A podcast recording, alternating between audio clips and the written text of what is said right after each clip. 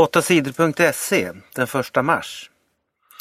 Chefslöner ökar mest. Skillnaden i lön mellan direktörer och arbetare växer. Det visar en ny undersökning som LO-facket har gjort. Toppchefernas löner ökar snabbare än arbetarnas löner. En hög chef i ett stort företag tjänar lika mycket på ett år som en arbetare gör under ett helt liv. Höga chefer, politiker och fackchefer tjänade i genomsnitt 5,2 miljoner kronor om året, visar LOs undersökning. Det är dags att söka sommarjobb. Om du vill ha ett sommarjobb måste du börja söka jobb redan nu. Många företag har redan börjat leta efter sommarvikarier. Just nu finns det nästan 10 000 fler sommarjobb att söka än det gjorde förra året vid den här tiden. Vi är förvånade att företag söker sommarjobbare så tidigt, säger Håkan Gustafsson på Arbetsförmedlingen till Sveriges Radio. Han tror inte att det blir fler sommarjobb i år, men att företagen vill bestämma tidigare vilka som ska få jobben. Homosexuella riskerar att straffas. Politikerna i den ryska staden Sankt Petersburg har infört en ordningsregel som gjort många upprörda. Regeln säger att det blir förbjudet att göra reklam för homosexualitet. Det betyder troligen att homosexuella inte kan demonstrera eller ha parader i staden. Människorättsgrupper i Ryssland och i andra länder protesterar mot de nya reglerna. Människor säger att reglerna diskriminerar homosexuella och därför måste stoppas. Militärerna vill krossa rebellerna i Homs. Syriens militärer gör nu allt för att tvinga rebellerna att ge upp i staden Homs. Striderna har hållit på i snart en månad.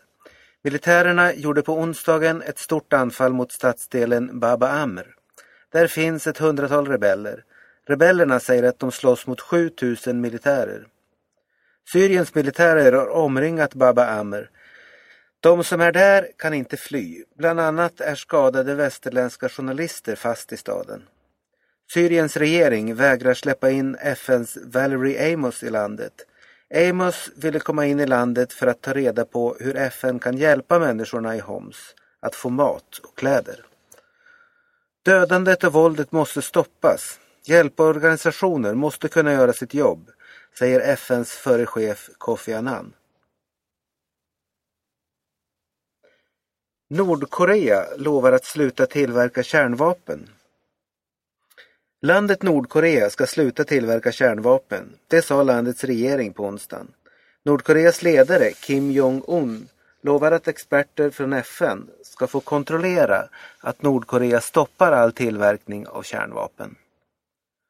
USA har som tack lovat att hjälpa Nordkorea med mat. USA ska skicka 240 000 ton mat till Nordkorea. Det är stor brist på mat i landet och människor tvingas ofta gå hungriga. Regeringen ändrar sjukregeln.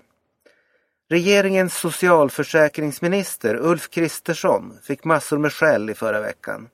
De rödgröna partierna skällde på att han vägrade ändra en regel i sjukförsäkringen. Kristersson vägrade göra som riksdagen hade bestämt.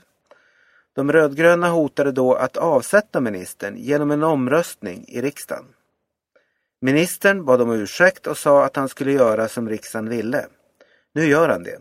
Kristersson skriver att regeringen ska se till att Försäkringskassan börjar använda den regel som tidigare gällde för de sjukskrivna.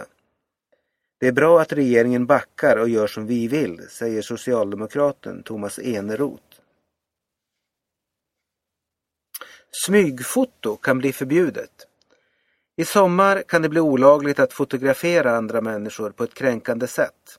Det kan till exempel handla om fotografering i duschen, på en toalett, i ett omklädningsrum eller hemma hos någon.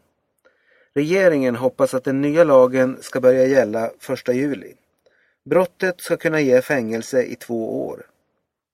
Lagen är till för att skydda människor mot till exempel påträngande pressfotografer och människor som tar bilder i smyg. Men många tycker att lagen minskar människors frihet. Den nya lagen säger att den som får sitt som tar ett foto måste fråga först. Vad händer om du tar bilder på en fest utan att fråga alla människor på festen? Ingen vet säkert hur lagen kommer att fungera. Sverige visade EM-form. Sveriges fotbollskillar gjorde en mycket bra match mot Kroatien och vann med 3-1. Det är ett lysande resultat på bortaplan mot ett av Europas bästa fotbollslag. Kroatien brukar vara nästan omöjliga att besegra på sin hemmaplan. Bäst på plan var Zlatan Ibrahimovic. Han var fantastisk i sin nya roll som framspelare i landslaget. Zlatan var inblandad i alla Sveriges mål. Han gjorde 1-0 på straff. De två andra målen gjorde Sebastian Larsson. Han fick bollen efter fint förspel av Zlatan. Många var inför matchen nyfikna på att se John Guidetti spela på topp med Zlatan. Guidetti fick hoppa in i andra halvlek. Det blev ingen jättesuccé men Guidetti visade att han vill vara med i fotbolls-EM i sommar. I maj tar Erik Hamrén ut EM-truppen. Sverige spelar i en mycket svår grupp i EM. England, Frankrike och Ukraina är lagen Sverige ska möta. Sveriges damer vann första matchen. Sverige fick en fin start i fotbollsturneringen Algarve Cup i Portugal. De svenska tjejerna vann på onsdagen mot Kina. Sverige vann med 1-0. Inhopparen Antonia Göransson gjorde Sveriges segermål.